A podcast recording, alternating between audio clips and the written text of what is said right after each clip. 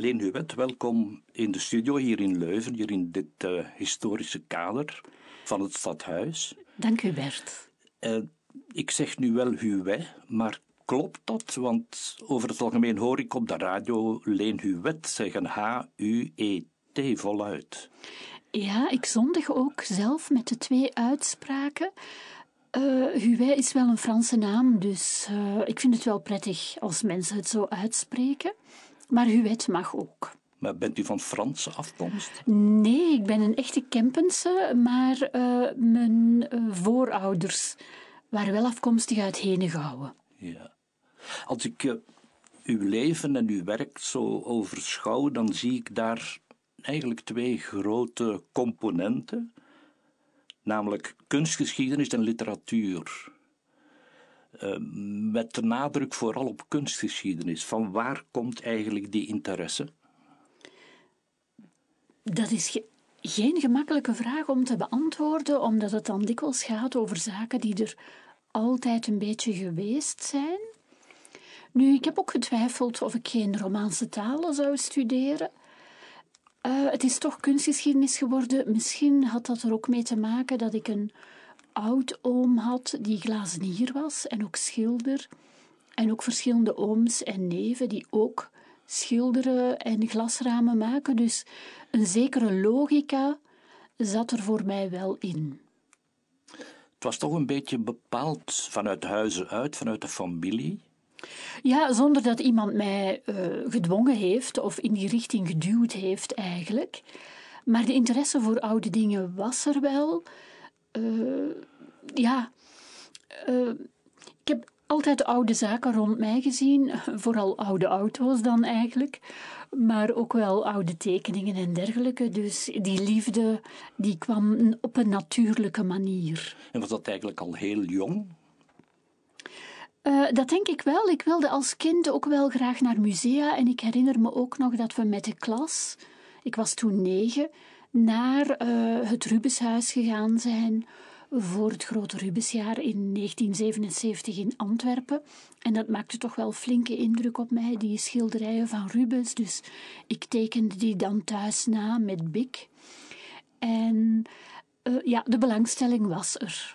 Maar u hebt zelf nooit getekend echt of geschilderd, neem ik aan. Ik heb wel wat getekend en ook geschilderd als tiener. Uh, ik maakte ook stripverhalen met Bic alweer, mijn favoriet medium.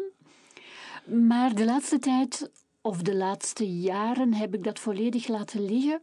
En af en toe krijg ik dat verlangen wel weer om gewoon opnieuw, zoals een kind, te kunnen tekenen. Dus uh, zonder dat je je zorgen maakt van is het wel goed genoeg of ik kan het eigenlijk niet voldoende. Gewoon tekenen waar je zin in hebt. Ja, het is uiteindelijk dan toch terug naar uw studietijd kunstgeschiedenis geworden. Ja. Waarom? Waarom? Ik denk uh, een beetje vanuit romantische opvattingen ook. Hè. Eh, de vraag was natuurlijk: kun je je brood verdienen als kunsthistoricus? Mijn antwoord daarop is uh, grotendeels nee, vooral omdat ik ook als zelfstandige werk. Maar het was dat romantische idee: als je iets doet waar je van houdt, dan vind je wel een weg. En in zekere zin is dat ook waar, natuurlijk. Ja, u bent dan na die studie naar Firenze getrokken? Ja.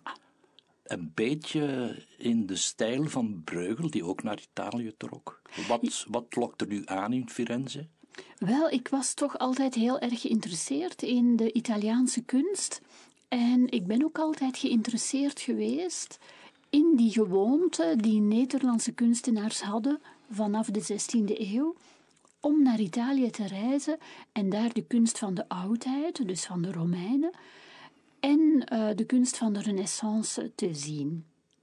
Dus je zou kunnen zeggen dat ik volledig meeging in die geweldige promotiemachine voor Italiaanse kunst, die sinds de 16e eeuw bestaat. Waarbij men zei dan de renaissance is iets werkelijk Italiaans en iedereen die goed wil leren schilderen, die moet naar ons toe komen. Sinds de 16e eeuw verdedigen Italiaanse auteurs dat idee. En ik volgde hen daarin. Ik hield van die renaissance-kunst van de grote Italiaanse meesters. Ik was heel blij dat ik een jaar in Firenze heb kunnen doorbrengen, na mijn studies. En die aandacht voor Italië is er eigenlijk altijd gebleven. Ja. Vandaar, als ik mag aanvullen, ook uh, mijn interesse voor het verblijf in Italië van Pieter Breugel. Want we denken dikwijls dat Breugel een echt Vlaamse kunstenaar was, of een kunstenaar van bij ons die eigenlijk geen interesse had in al die buitenlandse schilderstijlen. Maar Breugel heeft wel twee jaar in Italië verbleven. Hij heeft daar ook heel goede contacten gehad. En uh, die reis naar Italië heeft op hem ook een belangrijke invloed uitgeoefend, hoewel je dat niet meteen ziet in zijn schilderijen. Die staan niet vol naakte klassieke goden, Venus en Zeus bijvoorbeeld, Venus en Jupiter. Toch heeft hij in Italië uh, veel geleerd. Ja, u hebt uh, geschreven over Breugel, over Rubens, over Rocox, de grote burgemeester van Antwerpen in de Gouden Eeuw, over Bos ook. Is die periode, zo 16e, 17e eeuw, is dat de grote interesse? Ja, ik weet niet of dat toeval is of noodzaak. Ik heb als student een thesis gemaakt over een manieristische schilder van bij ons uit de 16e eeuw. Schilder uit Antwerpen die dus erg beïnvloed was door de Italiaanse manier van schilderen. En sindsdien ben ik altijd met die periode toch bezig gebleven. Dus je begint met iets kleins, je thesis, en dan rolt dat eigenlijk verder en krijg je die grote sneeuwbal die altijd maar groter wordt. Uh, ik denk wel dat die periode me aanspreekt, omdat er dan in Europa ook zoveel gebeurd is. Met de reformatie, de burgeroorlogen, de godsdienstoorlogen.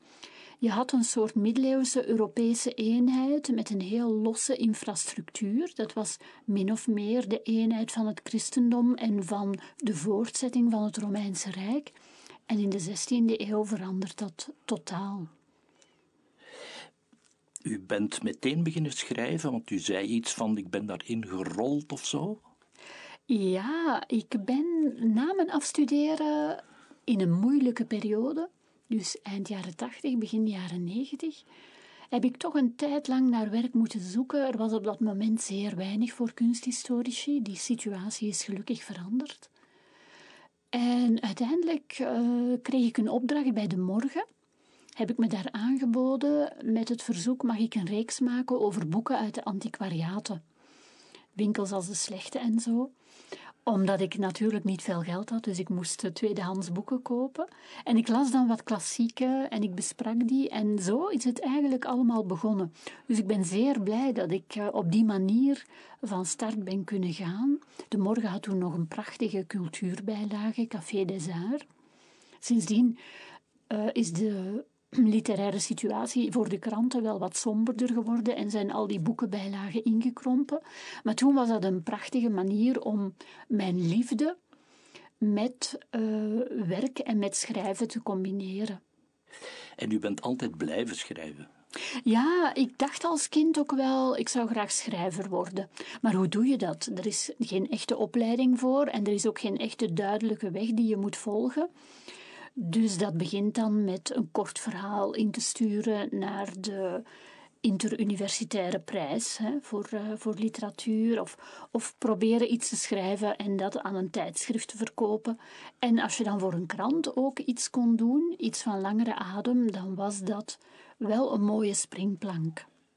Ja, je hebt zo'n zo'n mooie, sierlijke stijl. Ik vraag me af, Gaat dat uh, makkelijk schrijven of is het eerder een moeizaam proces in jouw geval? Wel, het kan moeizaam zijn op verschillende manieren. Dus voor een boek als Breugel, uh, het moeizame punt is dan natuurlijk het onderzoek.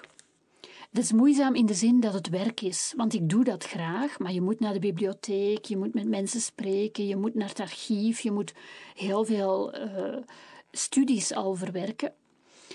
Dat is een bepaalde vorm van moeite die ik graag doe, want non-fictieboeken schrijven gaat me eigenlijk gemakkelijker af dan bijvoorbeeld een roman schrijven. Niet dat ik niet weet hoe ik een boek moet opbouwen, maar dat kost mij emotioneel uh, veel meer. Dat is een raar verschil. Ja. Maar u doet het wel graag. Uh, allebei, want de laatste tijd uh, ja, heb ik dus veel, veel non-fictie gepubliceerd. En eigenlijk zou ik nu graag ja, opnieuw met verhalen of romans of zelfs gedichten bezig zijn. Gedichten zijn perfect, omdat gedichten een grote aandacht vragen. Maar minder tijd, hè? minder tijd dan een biografie of minder tijd dan een roman. En het is iets heel nieuws, dus ik doe graag af en toe ook iets helemaal nieuws. Uh, vorig jaar heb ik een libretto geschreven voor een muziekstuk, wat ook iets met poëzie te maken heeft. En dat is een andere manier van schrijven die ik dan wel graag ontdek. Ja, ik dring nu even binnen in uw schrijfatelier of schrijfkamer en ik zie daar een koekjesdoos staan op de tafel. Een koekjesdoos met de spreekwoorden van Breugel. Ja, uh, ik ben dus een grote liefhebber van rommelmarkten, al mijn hele leven. En je vindt daar de gekste dingen, dus... Uh, ik denk een jaar of twintig geleden heb ik op de rommelmarkt zo'n oude koekjesdoos van misschien wel Parijn gevonden. Met op het deksel Breugels spreekwoorden. En dat past natuurlijk ook in die status van Breugel. Hè. Er zijn weinig kunstenaars die hun werken afgebeeld zien op koekjesdozen. Je hebt Rubens, je hebt misschien Van Dijk en je hebt heel zeker Breugel. En veel verder kan een kunstenaar, denk ik, ook niet komen veel verder op het vlak van roem en algemene bekendheid. Dus in die zin is Breugel wel verweven, in zekere zin met de Belgische identiteit, de Vlaamse identiteit, de Brabantse identiteit. En uh, ja, ik heb die koekjesdoos, die voor de rest verroest was, gekocht voor een centje. En die staat inderdaad daar al uh, geruime tijd, ja. ja.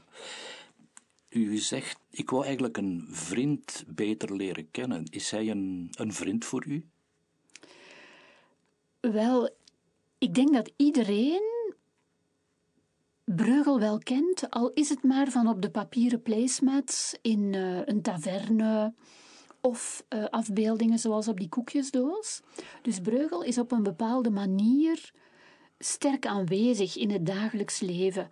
Sla je het kookboek van de Boerinnenbond open, dan staat daar ook een breugelbuffet in, bijvoorbeeld, hè? of een breugelse koffietafel of iets dergelijks. Dus wie kent Breugel niet? En bepaalde werken van Breugel zijn zeer bekend, vooral de werken over de boeren natuurlijk, uh, de huwelijksdans, het bruiloftsfeest enzovoort. Maar er zit veel meer in Breugel. Er is veel meer over Breugel te vertellen. En dat wilde ik met dit boek wel doen. Nu, vriendschap voor een schilder uit het verleden is natuurlijk op een bepaalde manier ook abstract. En het is ook zo dat Breugel, mijns inziens, een heel laconieke man was. En dat lees je ook wel in de eerste beschrijvingen over hem en zijn werk uit de 17e eeuw. Dus Breugel zei niet veel volgens zijn tijdgenoten. Ik vind dat je dat ziet aan zijn werk. Hij toont alles, maar hij zal weinig opdringen. Hij heeft ook de neiging bijvoorbeeld om het belangrijkste element van de voorstelling een beetje te verstoppen. Hij leidt je aandacht af, want het belangrijkste staat wel centraal op het paneel of op het doek. Maar hij zet er zoveel omheen dat je gerust naar andere zaken kunt kijken dan naar het uh, centrale. Ik heb wel het gevoel dat ik Breugel beter heb leren kennen door dit boek te schrijven. En toen het boek af was, dacht ik: en nu kunnen mijn gedachten zich verder ontwikkelen en binnen vijf jaar zal ik waarschijnlijk andere details opmerken in die schilderijen. Dus het is een proces. Ja, u zegt hij, hij was een man van weinig woorden. Ja. Dat klopt ook in die zin dat hij eigenlijk bijzonder weinig heeft nagelaten buiten zijn werk dan. Ja. Er is bijna geen snipper papier uh, die hij zelf heeft geschreven. Nee. Toch toch schrijft u daar een boek over van 300, meer dan 300 bladzijden. Ja, uh, dat is misschien gek in de ogen van veel mensen, omdat wij tegenwoordig bij biografieën vooral denken aan uh, ja, schandalen.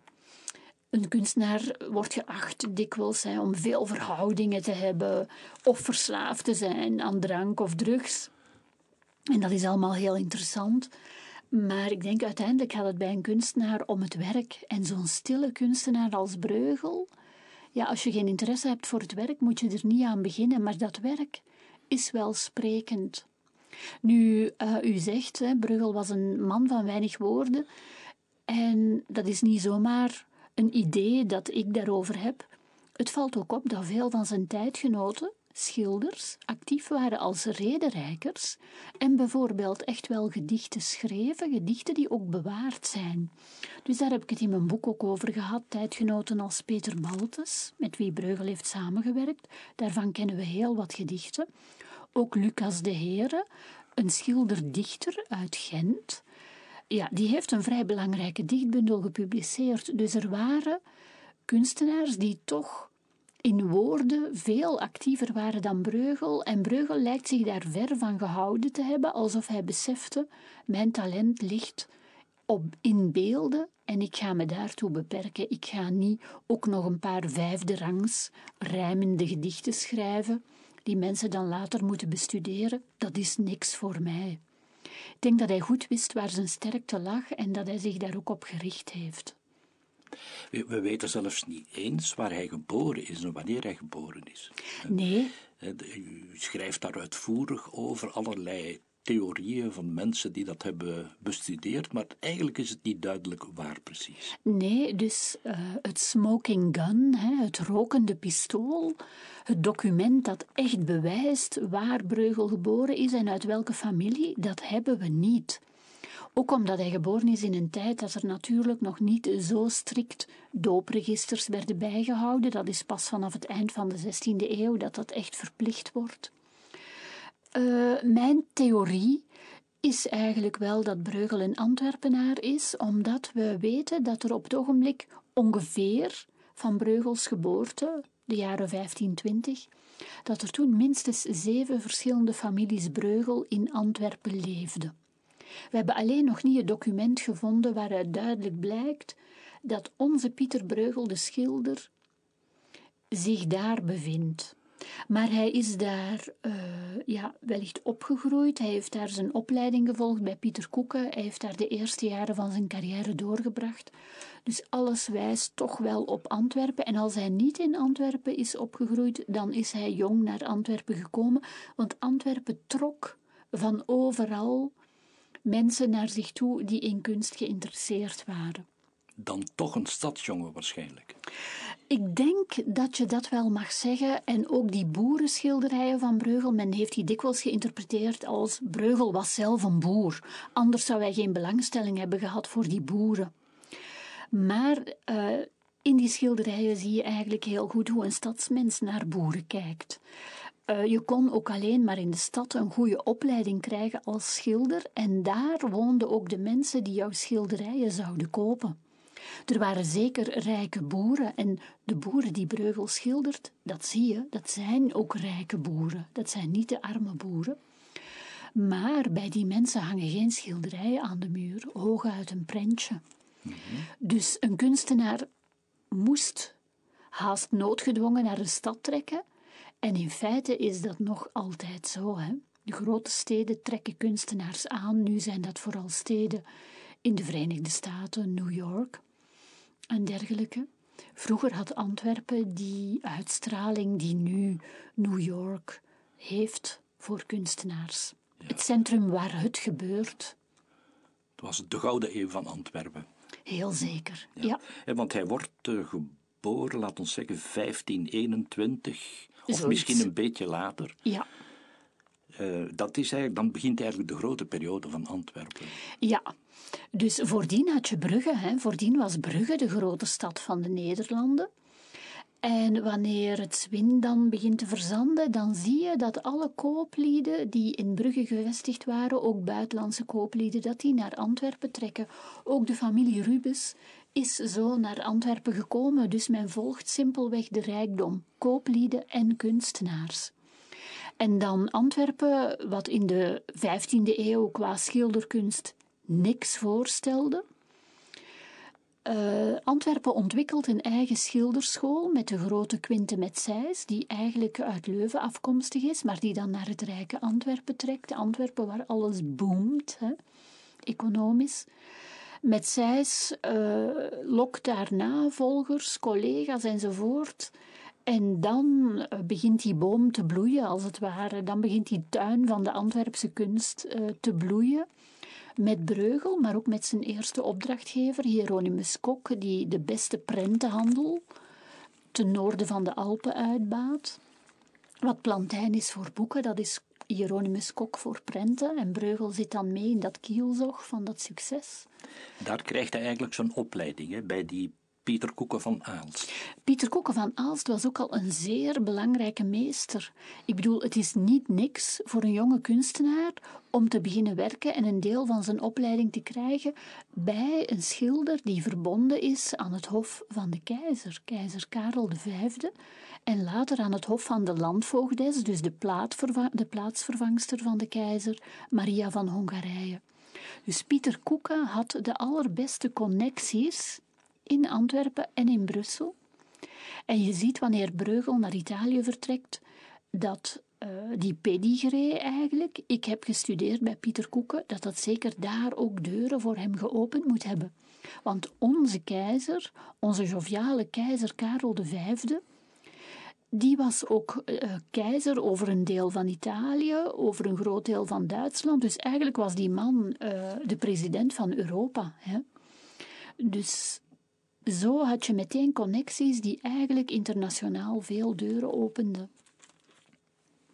Ja, hij trekt dan na zijn opleiding bij die Pieter Koeken trekt hij naar Italië. We hadden het daar al eventjes over. Ja. Eh, dat heeft hem toch wel diepgaand beïnvloed. Hè. Ik denk bijvoorbeeld, uh, hij is in Rome geweest, heeft daar het Colosseum gezien.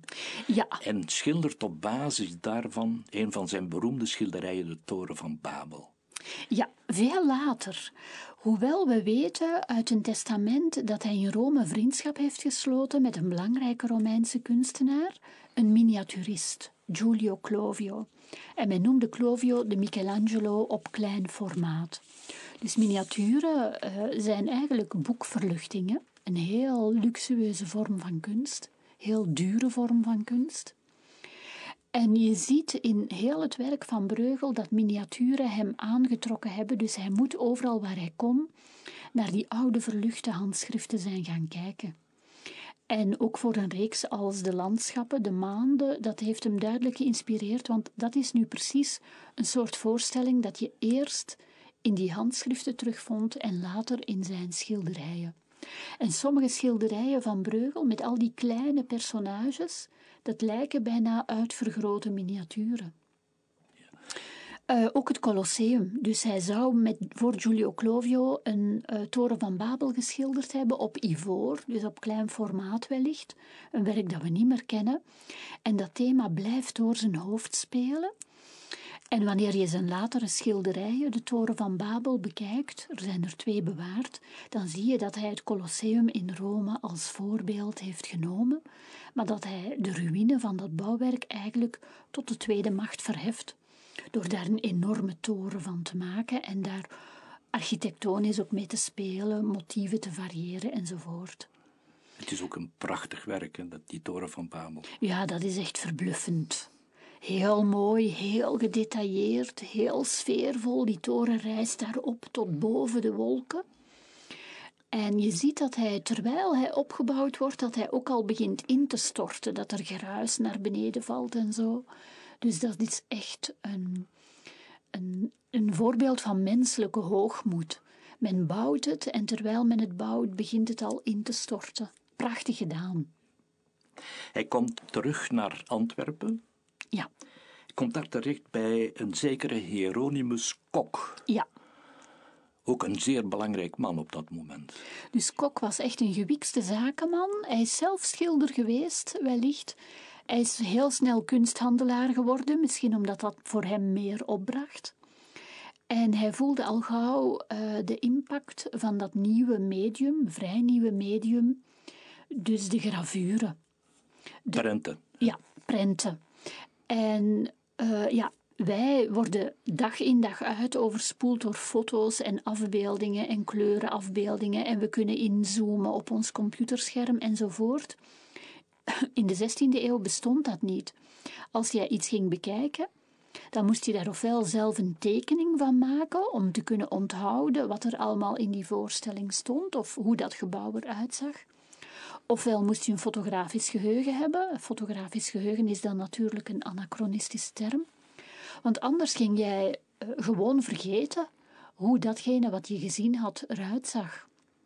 Dus alleen kunstenaars konden eigenlijk vastleggen wat ze zagen. En dankzij die prentkunst kon je afdrukken maken en die afdrukken kon je verkopen en dus kregen meer mensen toegang tot kunstwerken van ver weg bijvoorbeeld. Hieronymus Kok verkocht prenten van Italiaanse kunstwerken en van Romeinse gebouwen die in verval waren. Maar dat gaf mensen dus de mogelijkheid om dingen te zien zonder dat ze zich moesten verplaatsen naar Italië. En dat boomde ook geweldig. Dus Kok was een heel gewikste zakenman. En de eerste jaren van zijn carrière heeft Breugel eigenlijk alleen als ontwerper van prenten gewerkt. Dus als grafisch ontwerper.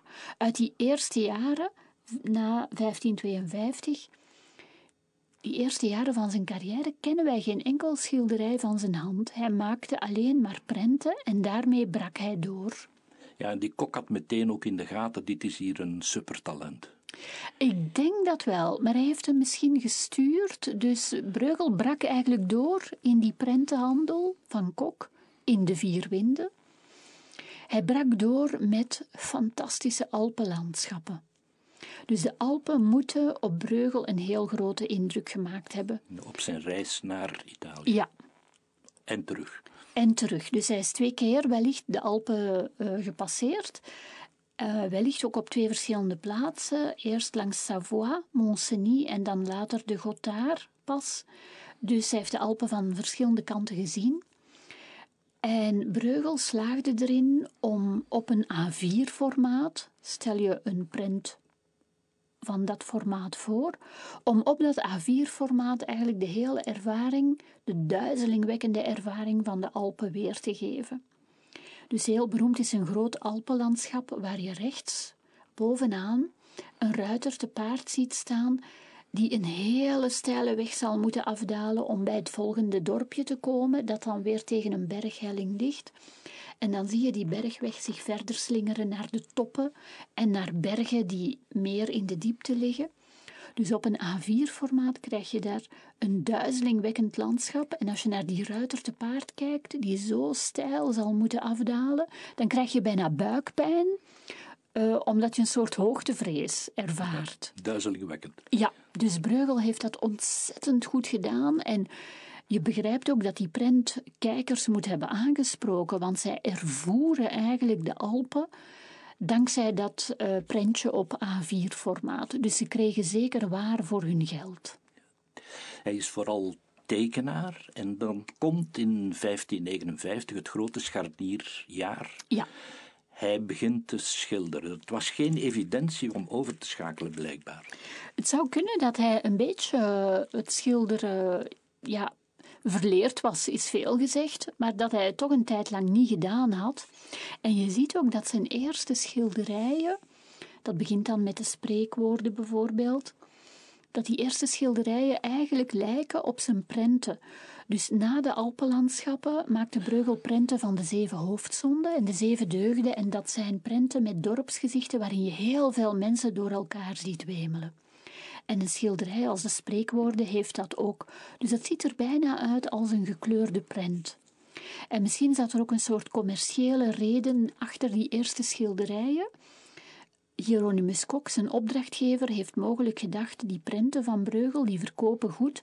Hoe kunnen we daar nu nog meer geld voor vragen door er schilderijen van te maken?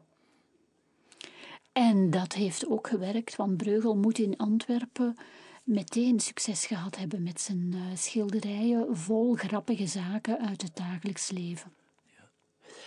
Als zij begint te schilderen, is zij ongeveer 40 jaar, als ik goed reken. Ja, dat zou kunnen. Ja. Een jaar of vier daarna trekt hij naar Brussel. Hij verhuist naar een andere grootstad. Ja. In die tijd ook al een belangrijk centrum. En hij volgt de liefde eigenlijk. Ja. Maar het was zeker niet evident voor een kunstenaar met een goede loopbaan in Antwerpen om naar Brussel te verhuizen. Brussel was de hoofdstad, was het politieke centrum, maar het artistieke leven in Brussel stond op een vrij laag pitje. Alle belangrijke kunstenaars zaten in Antwerpen. Dus was er een rivaliteit tussen Antwerpen en Brussel in de 16e eeuw? Je zou het bijna kunnen vergelijken met de hedendaagse situatie. Vandaag ook leven veel belangrijke kunstenaars in Antwerpen. En Brussel is toch een ander milieu. Uh, Breugel zou op verzoek van zijn toekomstige schoonmoeder naar Brussel verhuisd zijn. Dus dat was Maaike Koeken, de weduwe van Pieter Koeken. De tweede vrouw. Hè? Ja. En Pieter Koeken was natuurlijk hofkunstenaar geweest, dus het is geen wonder dat zijn familie daar gevestigd was. Brussel uh, was een aristocratische stad met een grote uitstraling. Men zegt ook in de oudste bronnen over Breugel dat Breugel lang een verhouding had gehad met een dienstmeisje eigenlijk, wat al niet goed gezien werd, hè, want ja, in onze maatschappij is het natuurlijk al eeuwen zo dat mensen trouwen met mensen uit de eigen stand. Dus een schilder die trouwde voornamelijk met de dochter van een andere schilder, het liefst met een gevestigde meester. En uit die oude bronnen leren we wel dat Breugel toch van plan was met dat dienstmeisje te trouwen. Dus dat siert hem eigenlijk wel. Hij... Ze woonden wel samen. Ja, zij, ze was zijn dienstmeisje, dus ze, deed zijn, ze was zijn huishoudster wellicht. Hè. Ze zorgde voor hem. De reden dat het niet doorging zou zijn geweest dat zij een enorme babbelkous was en uh, ja, een pathologische leugenaar bijna. Dus om geen andere reden dan het plezier van te liegen, loog zij overal over. En Breugel zou dus een lange stok genomen hebben en gezegd hebben: Meisje, iedere keer als ik jou op een leugen betrap, zet ik een kerf op deze stok. En als die stok vol is, dan is het tussen ons gedaan, dan gaan we niet trouwen.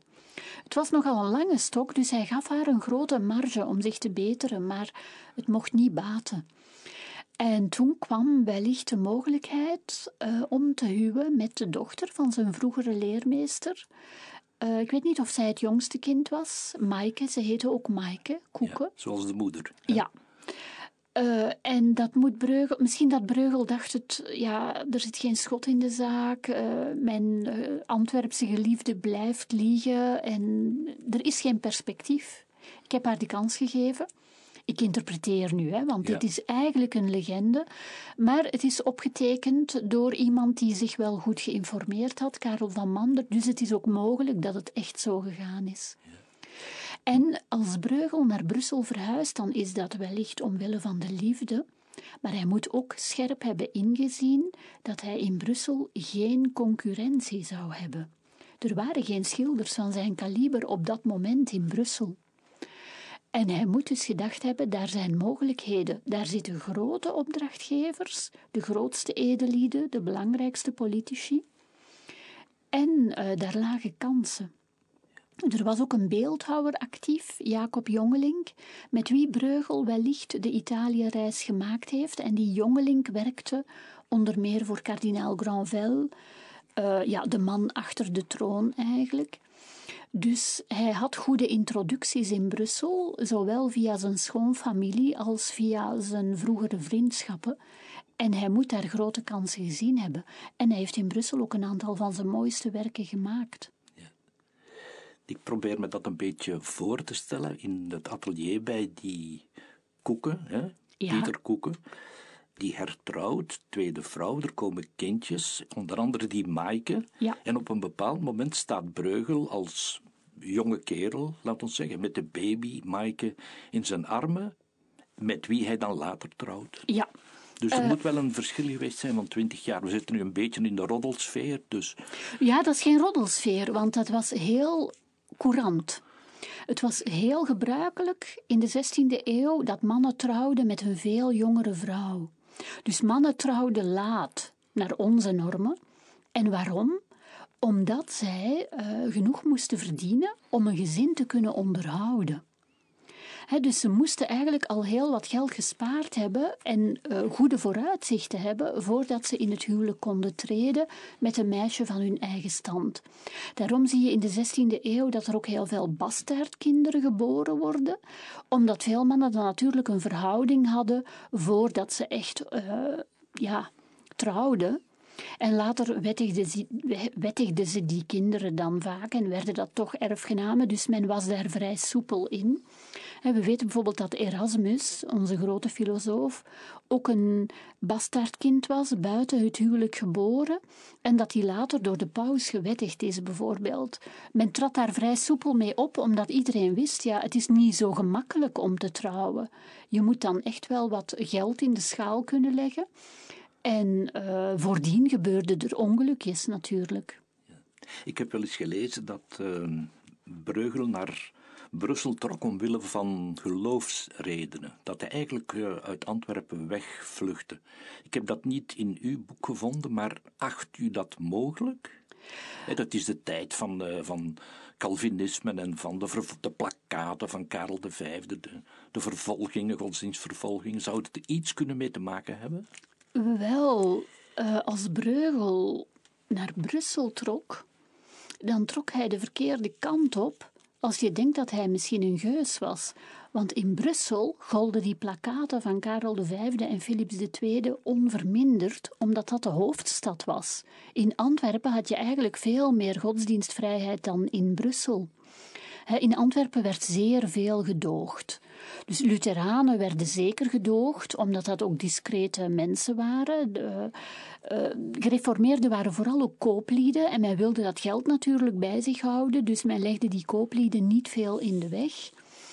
Lutheranen ondervonden amper problemen. De enigen die echt vervolgd werden in Antwerpen waren de wederdopers, omdat die heel wat onrust hadden veroorzaakt in Münster. Eh, de Duitse stad, hè, waar ze dan de macht gegrepen hadden en een soort sectaire levenswijze opgelegd hadden aan de bevolking, wat een paar jaar geduurd heeft. Maar verder niet. Dus als jij tamelijk discreet was, kon jij in Antwerpen bij wijze van spreken doen wat je wilde. Brussel was een ander paar mouwen. Dus het zou gek zijn als Breugel uh, naar Brussel trekt. Ja. Tenzij wanneer hij een overtuigde katholiek was en dacht: ik wil niet tussen al die uh, Lutheranen en Calvinisten blijven zitten. Uh, ja, dat is dan een andere tendens dan wij gewend zijn. Dus waarschijnlijk klopt het niet. Hè? Ik denk dat niet, want uh, in Brussel was de controle gewoon strenger. Dat was de hoofdstad. Je zat daar vlak bij de politieke macht. In Brussel is ook geen beeldenstorm geweest, bijvoorbeeld in 1566. In Antwerpen wel omdat je dan mhm. een sterke Calvinistische missionering kreeg, die tot een uitbarsting gekomen is in dat vernietigen van religieuze kunstwerken. Maar in Brussel kregen de Calvinisten geen kans. Uh, Pieter en Maaike krijgen drie kinderen. Ja. Twee zonen. Ja. Een dochter. Mhm. Die ook schildert en de zonen schilderen ook. Uh, het is een het, is een hele, het komt een hele generatie, van generatie op generatie, teniers later. Ja, dat is ook typisch. Uh, dus uh, kunstenaarsfamilies waren ook dikwijls familiebedrijven. Dus een kunstenaar trouwde het liefst met de dochter van een andere kunstenaar.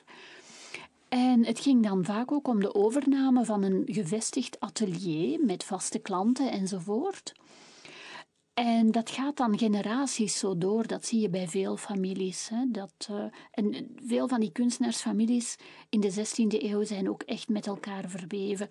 En de afstammelingen van Breugel zijn enerzijds schilders met de naam Breugel in de 17e eeuw in Italië, in Napels, en anderzijds de familie Teniers, schoonfam aangetrouwde schoonfamilie van Breugel, zou je kunnen zeggen, die dan echt belangrijke hofschilders zijn in Brussel.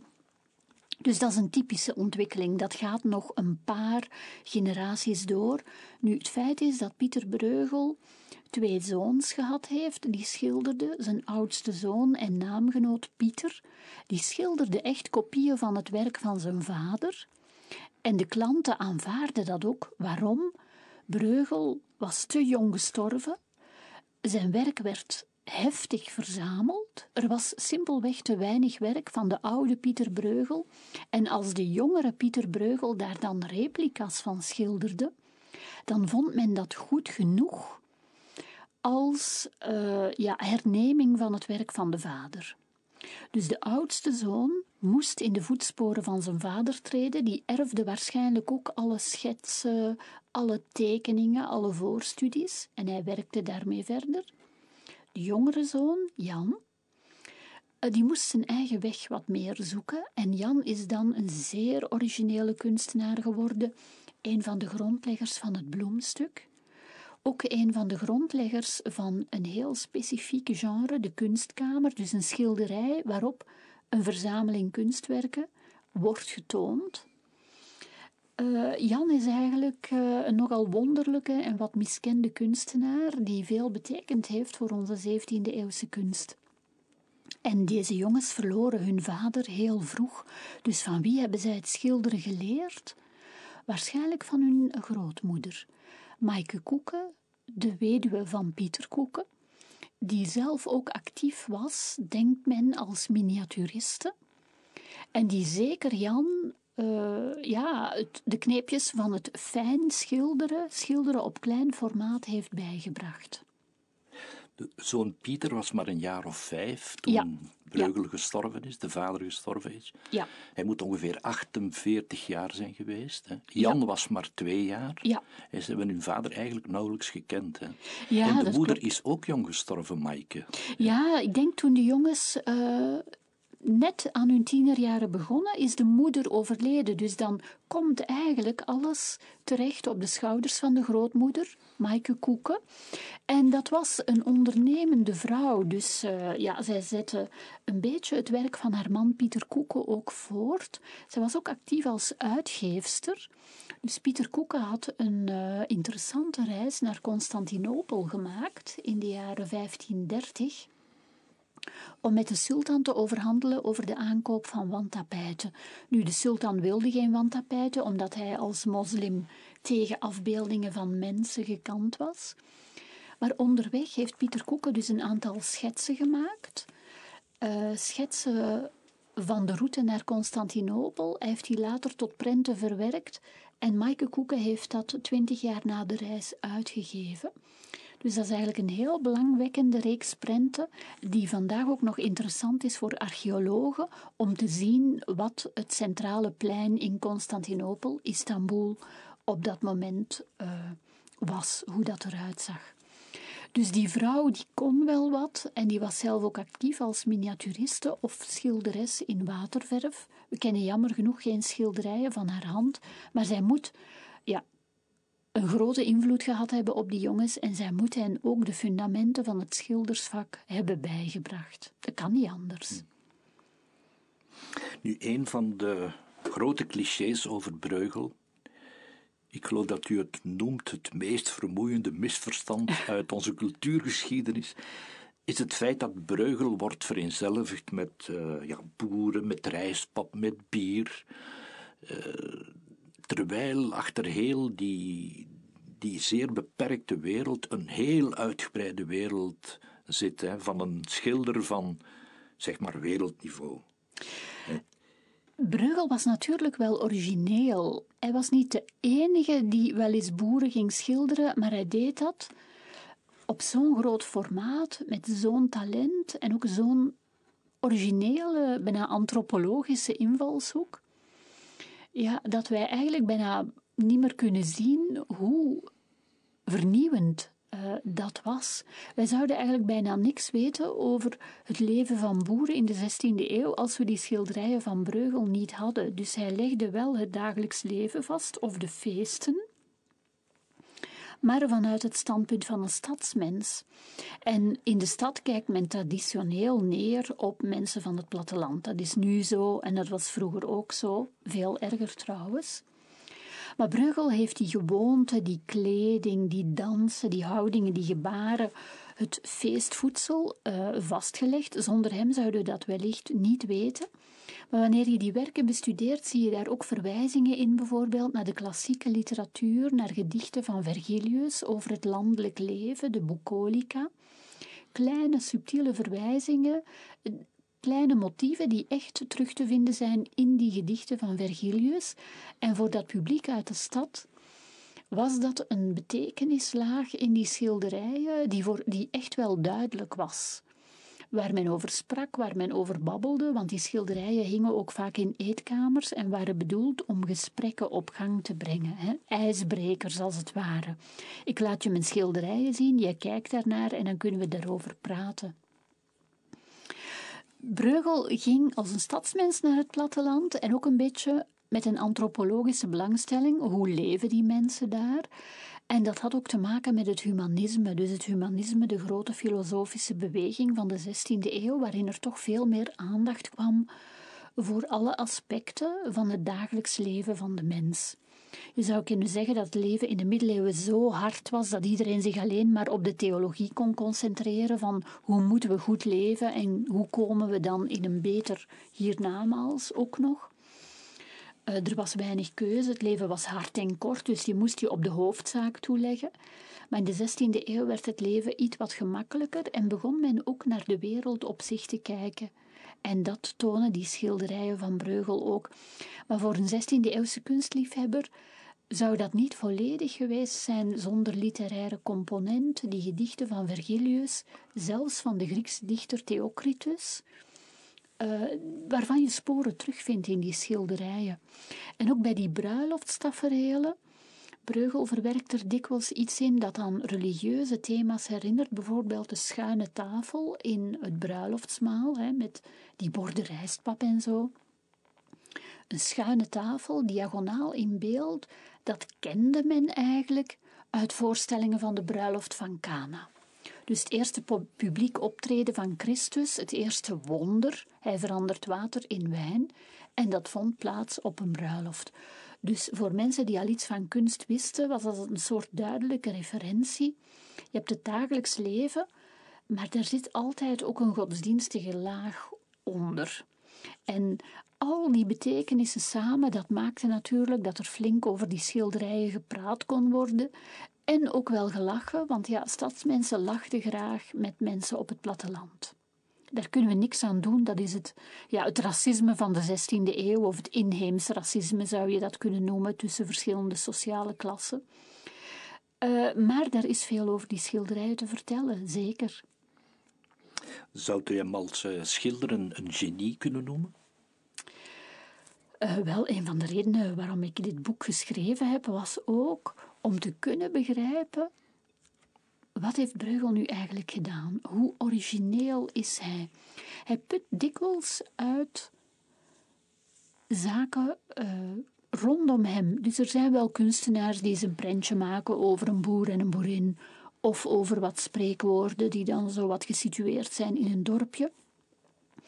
En als je dan ziet dat Breugel zich daarmee gaat bezighouden, dan merk je ook dat hij als, als het ware doorschakelt naar een vijfde of zelfs zesde versnelling. Dus hij neemt dat thema op dat uit een prentje bekend is, een populair prentje, en hij maakt daar iets fantastisch van. En iets dat veel rijker is en veel meer gestoffeerd, met veel meer spreekwoorden, ook nog in een soort samenhang, in een prachtig weergegeven Brabants dorpje. Dus Breugel maakt er gewoon veel meer van dan zijn tijdgenoten konden. Maar de kunstliefhebbers herkenden dat natuurlijk wel. Het thema was al min of meer bekend en dan opeens zien ze dat iemand daar iets fantastisch mee gedaan heeft en dat heel rijk, rijk aan betekenis, rijk aan vormen, rijk aan details, rijk aan humor ook, heeft gemaakt. Dus dat is voor mij het geniale van Breugel. Wat vindt u zijn beste werk? Zijn beste werk. Ik was vorig jaar in Wenen, het Kunsthistorisches Museum in Wenen, waar een zaal is met heel veel schilderijen van Breugel. En daar was ik erg onder de indruk van de bekering van Saul op weg naar Damascus, wat eigenlijk een geschilderd berglandschap is, ook heel duizelingwekkend, met een prachtige ruiter te paard. En die ruiter draagt een gele jas. Want als u mij zou vragen wat is de kleur die u het meest associeert met Breugel, dan zou ik zeggen okergeel, goudgeel en diepgeel. Dus heb je die ruiter met die gele jas die naar beneden kijkt. Je moet ook weer zoeken naar Saul die van zijn, plaats, uh, van zijn paard gebliksemd is, hè, uh, op weg naar Damascus. En dat maakte wel een grote indruk op mij, omdat het een minder bekend werk is. ik houd ook erg van de nestenrover.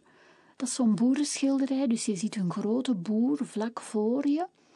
En hij wijst over zijn schouder naar een jongen die in een boom een nest met jonge vogeltjes leegrooft. En wat daar mooi is aan dat schilderij is de achtergrond. Uh, een vlak landschap met een soort Kempense hoeve met een rieten dak heel in de verte en een grote wolkenhemel. En dat landschap is voor mij fantastisch mooi geschilderd, bijna impressionistisch, hoewel Breugel niet zo werkte. Dat vind ik wat het landschap betreft, betreft ook onvergetelijk, want Breugel hield eigenlijk van onopvallende landschappen ook. Niet alleen Alpenlandschappen, maar ook stille, onopvallende landschappen.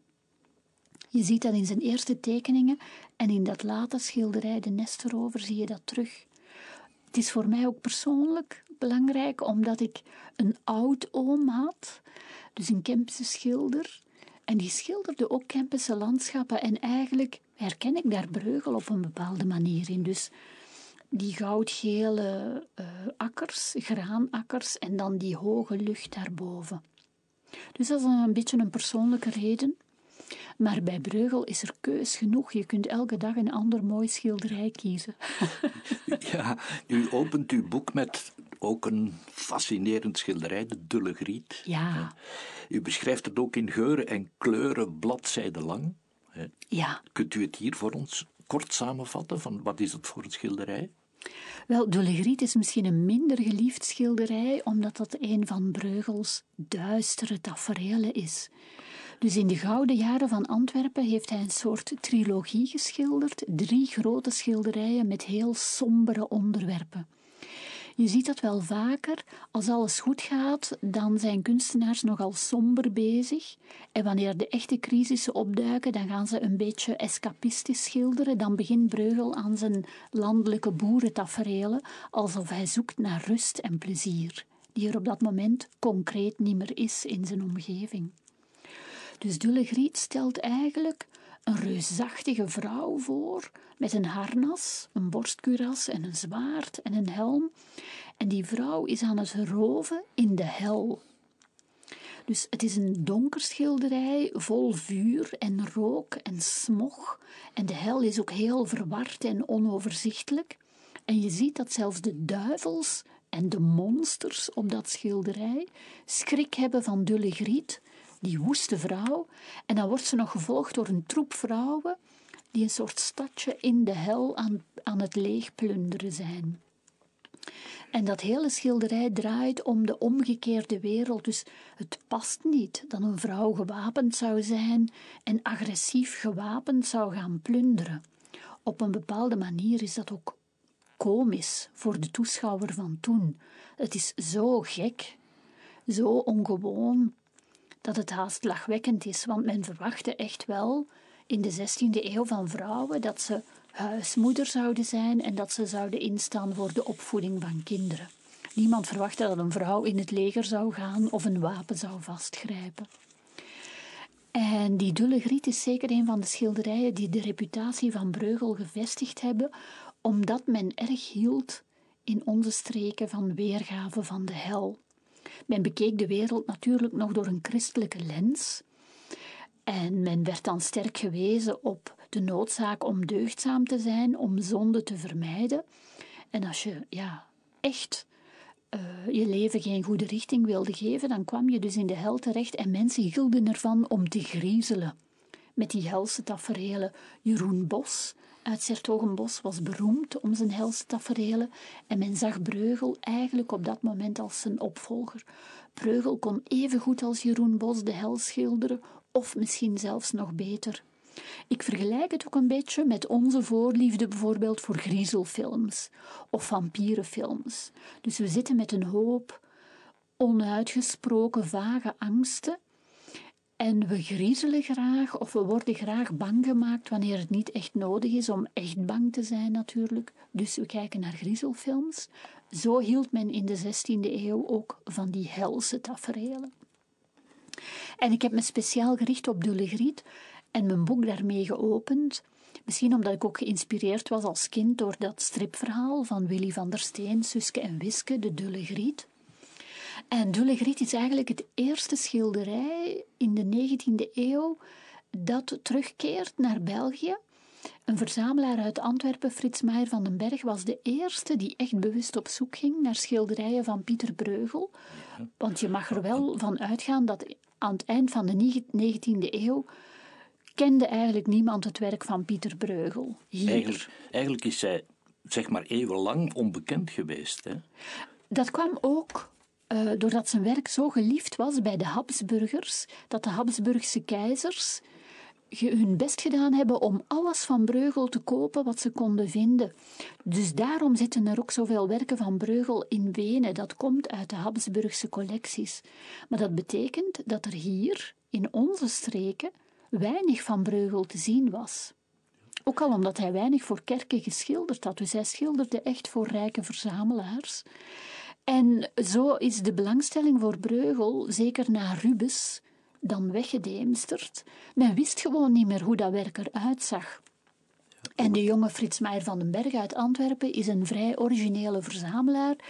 En die leest ook veel, die leest ook de oude geschriften uit de 17e eeuw over Breugel. En je ziet die man bijna denken: ik wil een schilderij van die Breugel.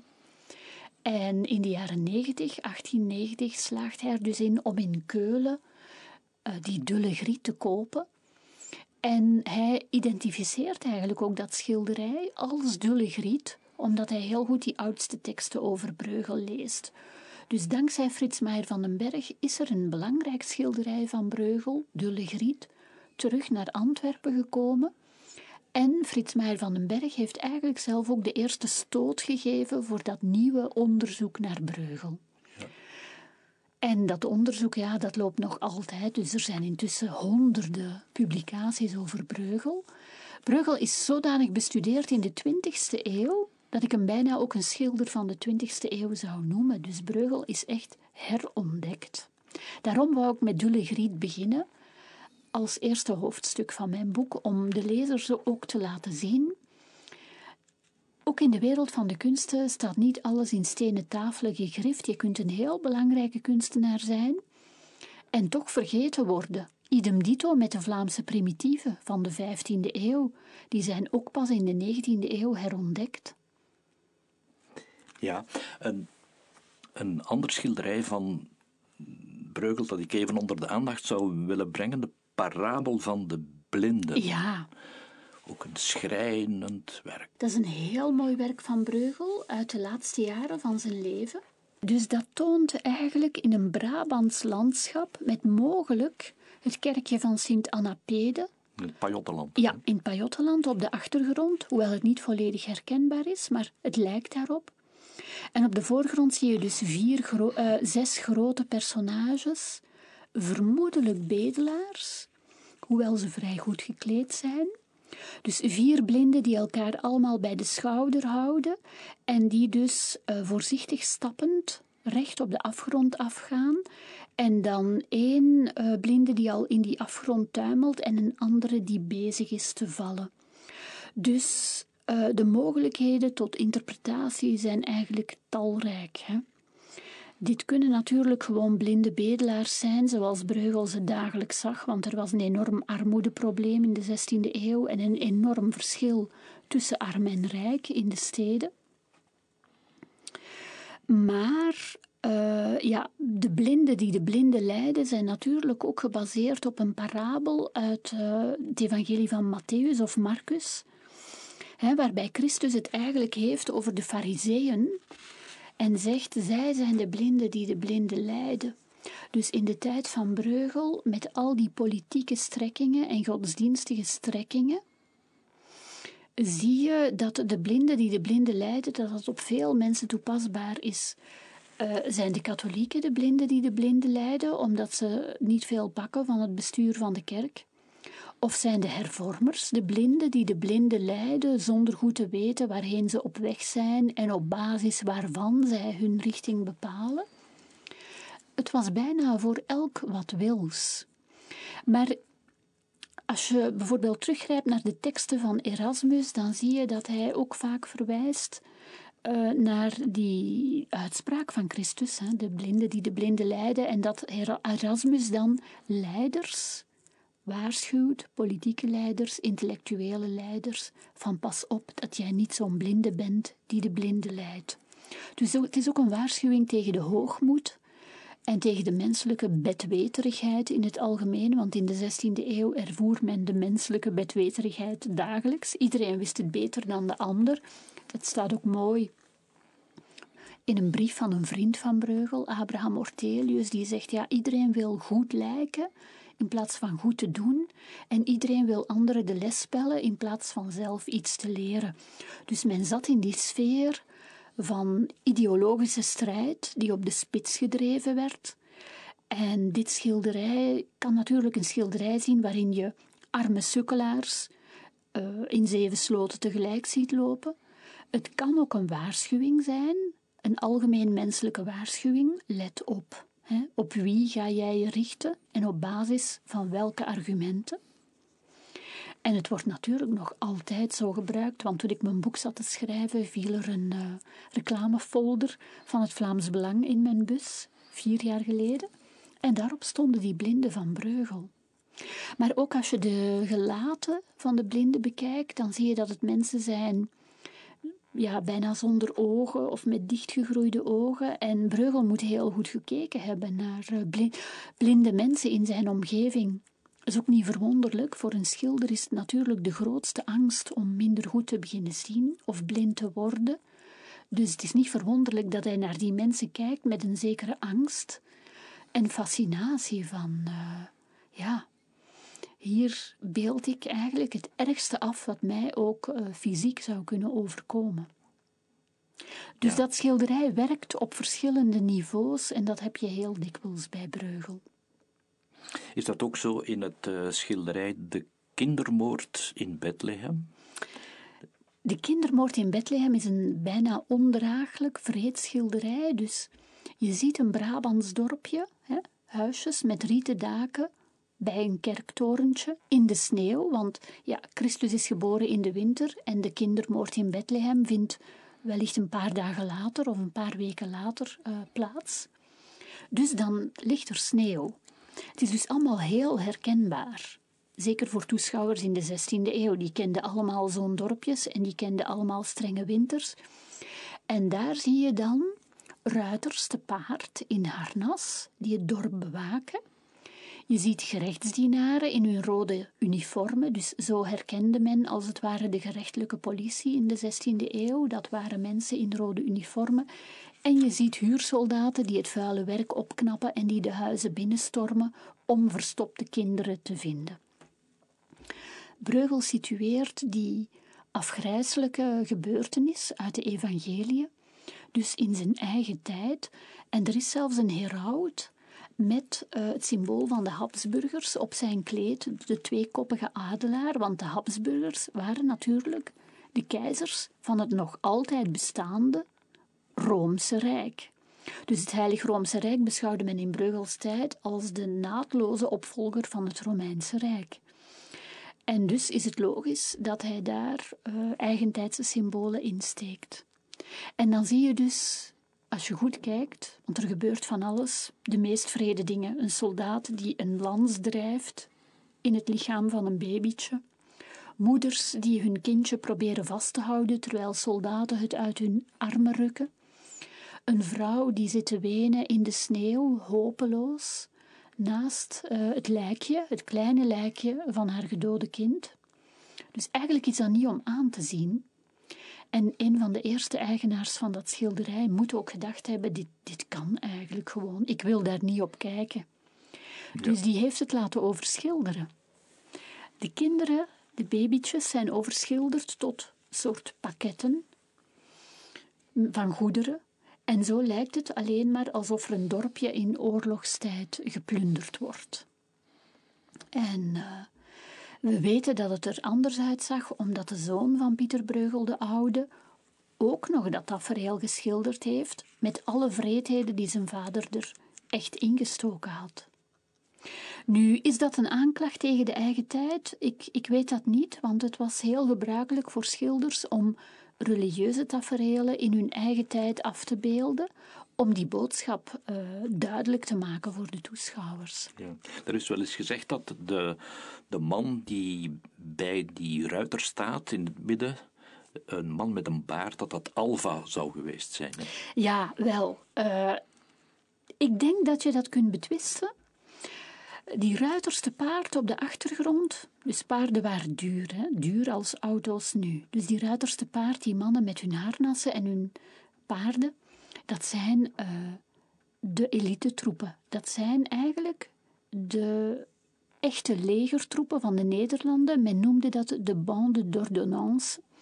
En elke bande d'ordonnance stond onder gezag van een belangrijke plaatselijke edelman. Dus Willem van Oranje was aanvoerder van een aantal banden d'ordonnance, de graven van Egmond en Hoorn evenzeer.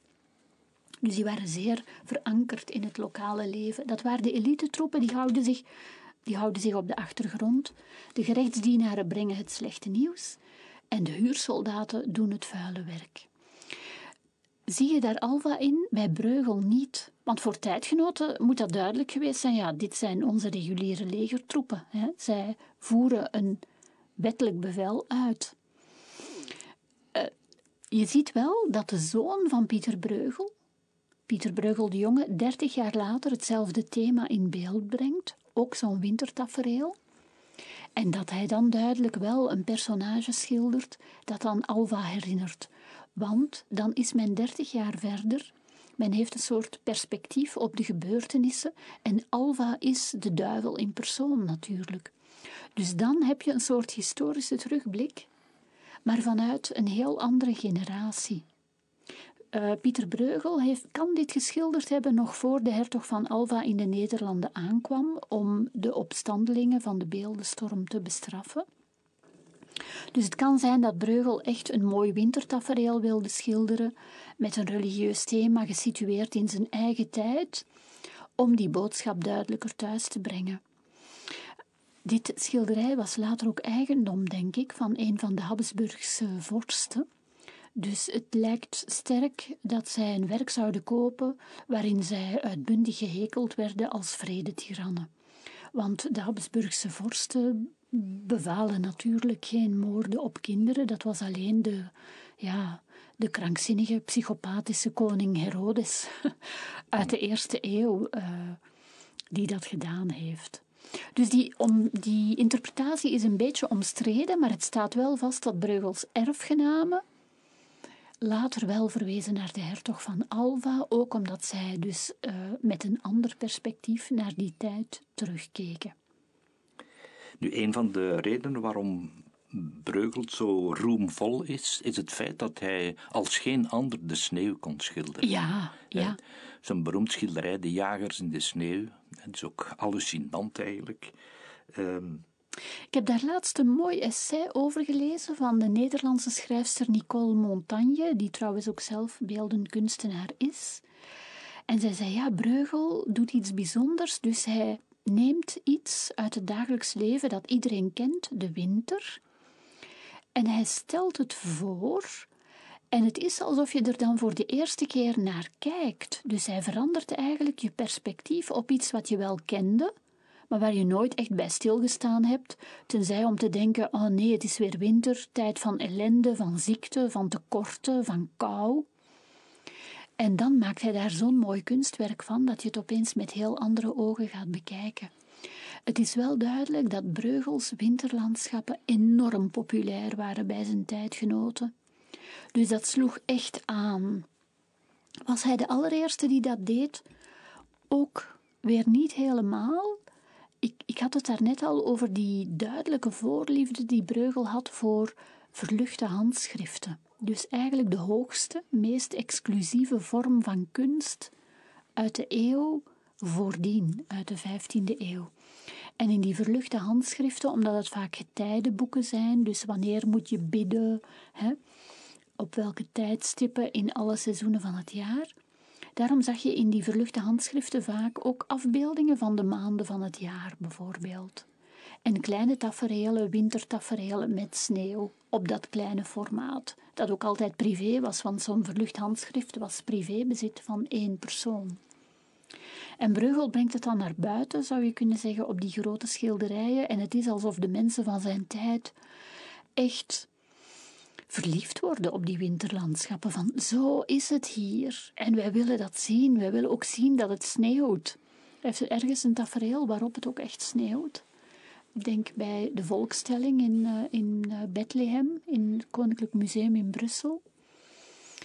Uh, men kreeg daar niet genoeg van. Dus dat is echt een, een vernieuwing die Breugel ja, doorgezet heeft. En waar men enorm van hield. Alsof men inderdaad met nieuwe ogen keek naar zijn eigen omgeving. Leen, nu we zouden nog uren kunnen doorgaan, maar ik stel voor dat we het hierbij laten. Ik hoop in ieder geval dat u nog veel boeken schrijft en nog veel interviews geeft. Dank u wel. Dank u. Dank u.